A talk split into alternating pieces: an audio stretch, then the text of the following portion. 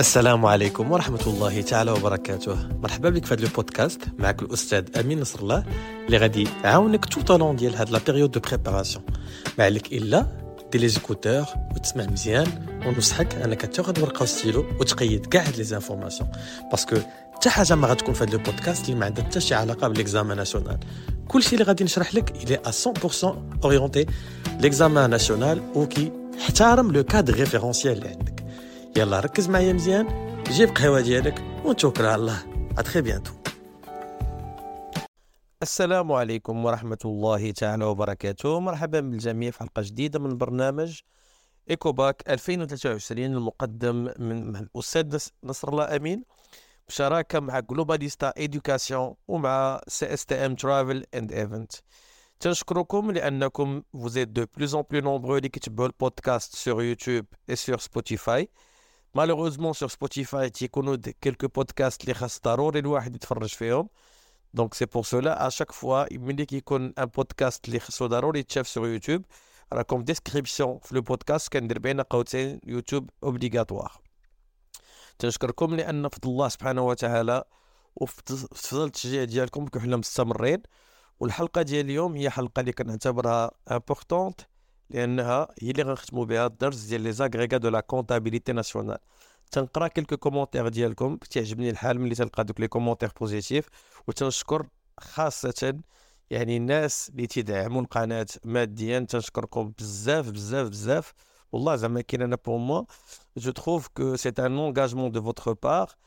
ميم سي راه لوبجيكتيف ديال هاد لي بودكاست ان اوبجيكتيف اللي عنده علاقه بلونسينيومون بلو ديفلوبمون ديال ديال هاد لا ماتيير هادي ولكن جون سوي سيغ اي سيغتان كو نتوما يعني راه تتحاولوا تشجعوني باش يبقى هادشي غراتويتمون تو طولون ديال لا بيريود ليكزامان دونك الحلقه ديال اليوم غادي نتكلموا على لي ليكتور ديال لا كونتابيليتي ناسيونال اللي عندهم علاقه بالبروغرام ديال البكالوريا باردون D'autre part, le manuel il est toujours disponible sur le site web d'IL. La description fait le lien pour télécharger le manuel. Le manuel il n'est pas gratuit. C'est un manuel payant. Ou le commentaire le manuel. Bien sûr, c'est un manuel qui est professionnel. On avec euh, amour et avec passion au fil 10 ans d'expérience d'IL. فليكس في l'enseignement ديال هاد لا ماتيير وبيان سور كل عام تيكون عندنا اون ميز ا جور دو المانيوال اون فونكسيون دي لي دوني كونجونكتورال الوغ ملي تنتكلموا على لي ليكتور ما نساوش بان في ليكزامان ناسيونال عندنا لانكس كيكون واحد لانكس كنعمروه هاد لانكس فيه لا فورمول فيه لابليكاسيون نيميريك فيه الريزولتا وفيه الليكتور يعني ملي تتكون كتحسب انت في لي زاغريغا راه ماشي غير التخراج ديال القاعده راه هو اللي مهم ولكن راه حتى لا ليكتور حتى هي راه مهمه قرينا بان كاين عندنا لي زاغريغا ديال لا برودكسيون وفي لي زاغريغا ديال لا برودكسيون عندنا لو بي بي باردون نديرو لا باليت ديالنا عندنا لو بي بي ولو بي بي في لا ليكتور ديالو خاصنا نردو البال من جوج الحوايج الا كانوا فوق الطابلو ديال ليكزامان لي دوني ا بري كونستون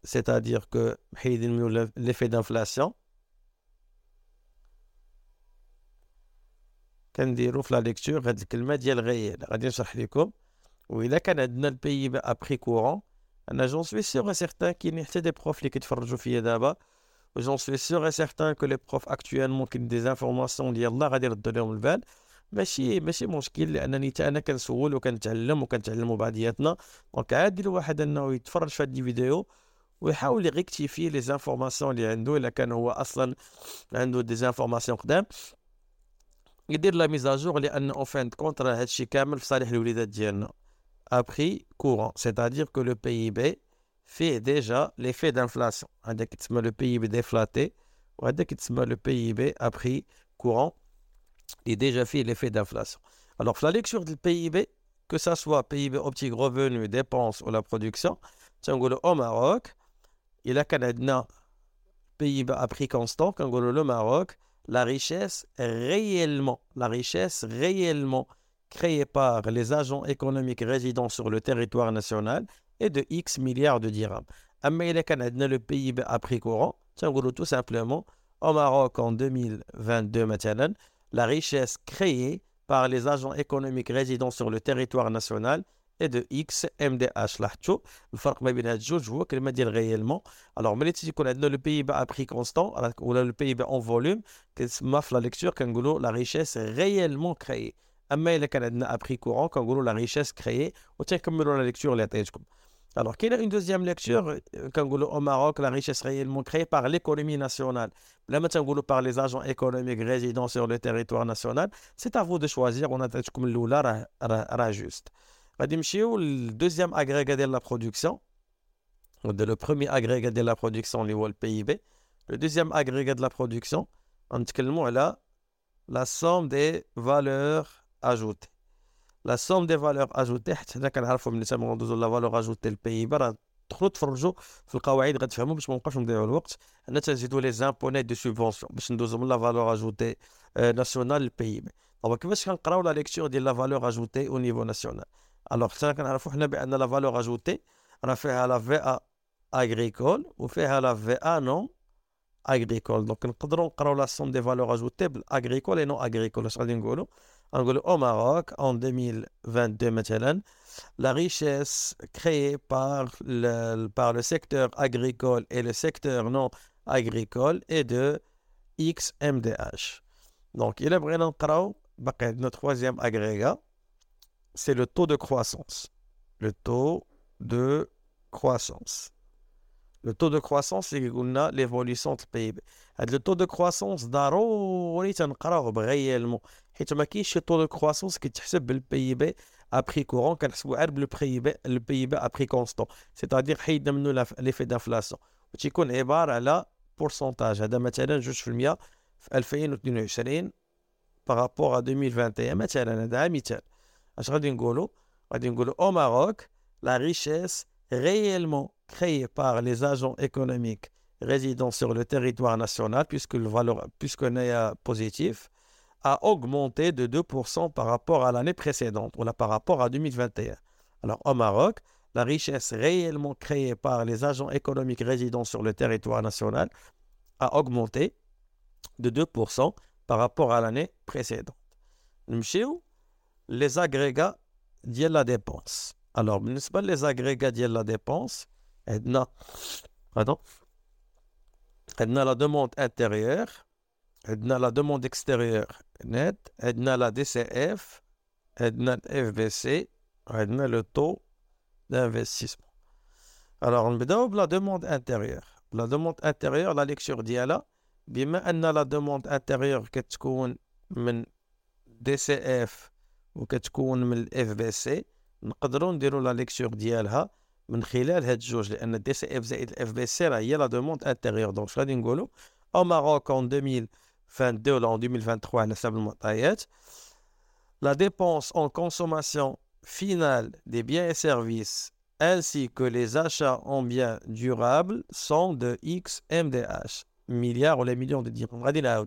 Au Maroc, la dépense en consommation finale en biens et services et les achats en biens durables sont de X MDH.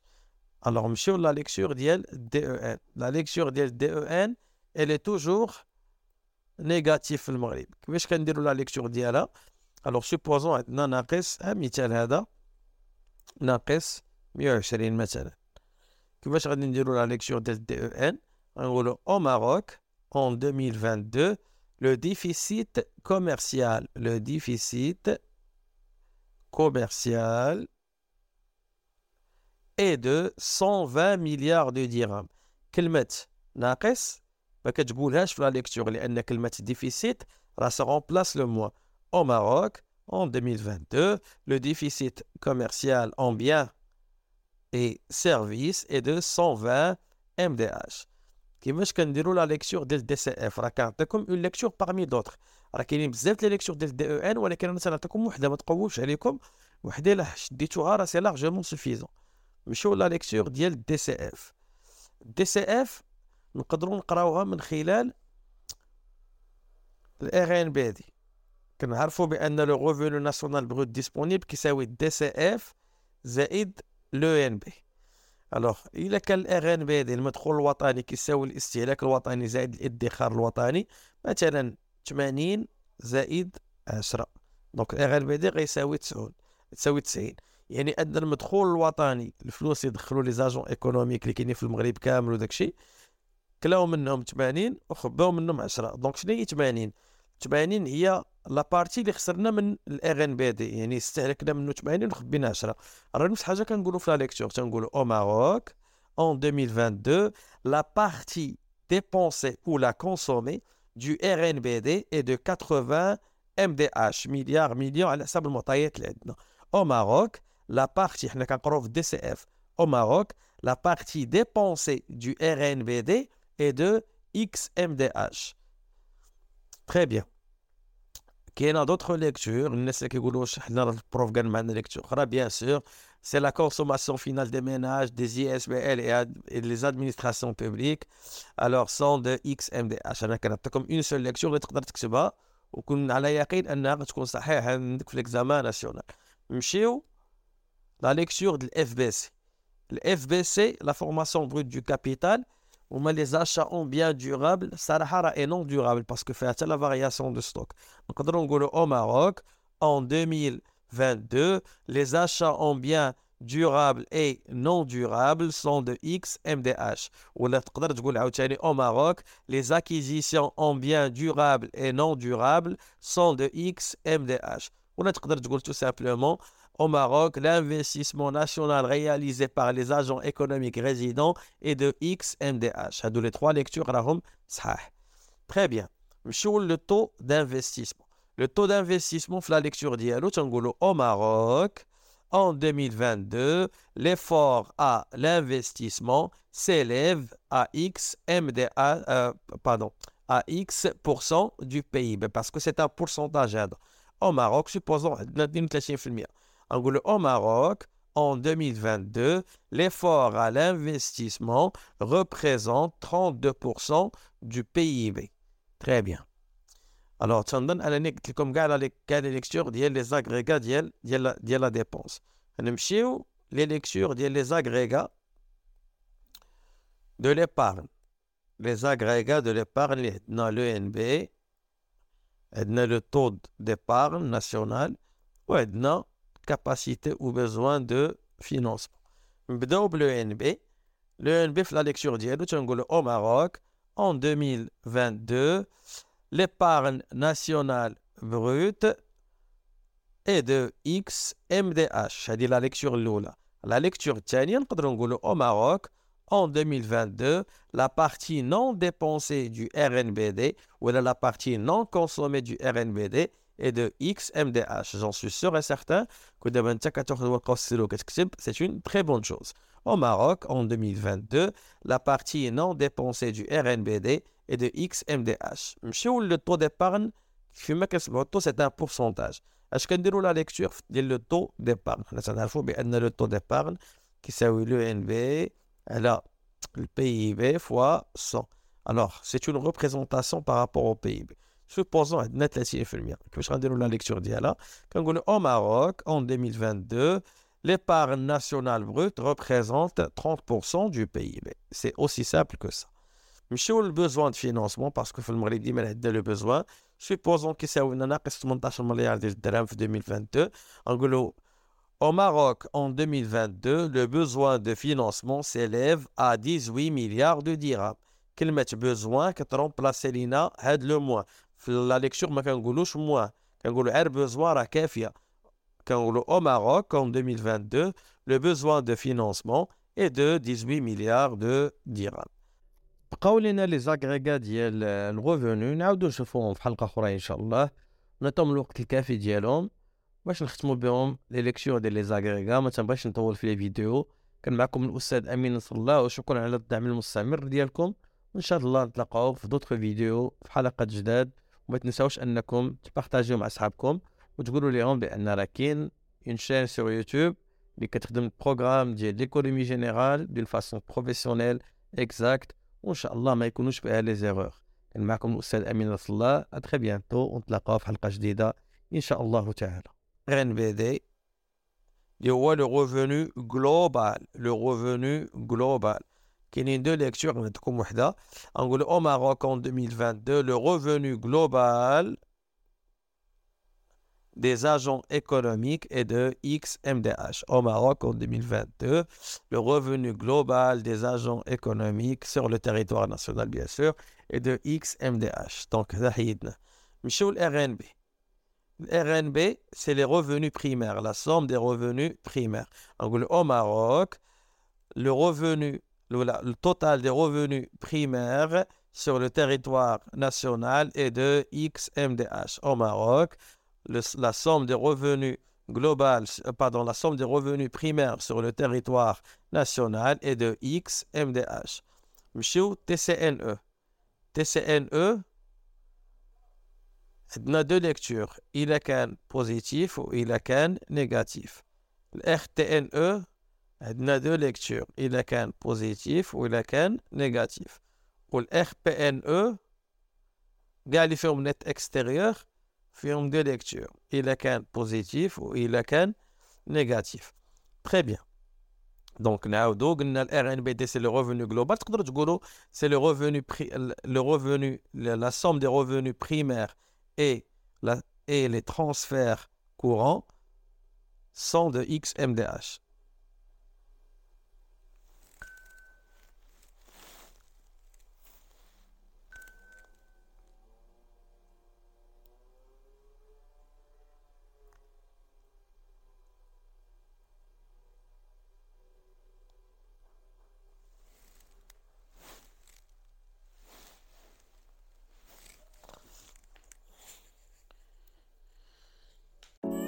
هذا البودكاست فهو ممول من شركة جلوباليستا وشركة سي إس تي إم ترافل اند ايفنت إلا كنتي كتفكر أنك تنظم ان ايفينمون كيف ما كان النوع ديالو يمكن لك تتصل بشركة سي إس تي إم اللي غتلقى المعلومات ديالها في لا ديسكريبسيون ديال هذا البودكاست كو سوا سور سبوتيفاي ولا سور يوتيوب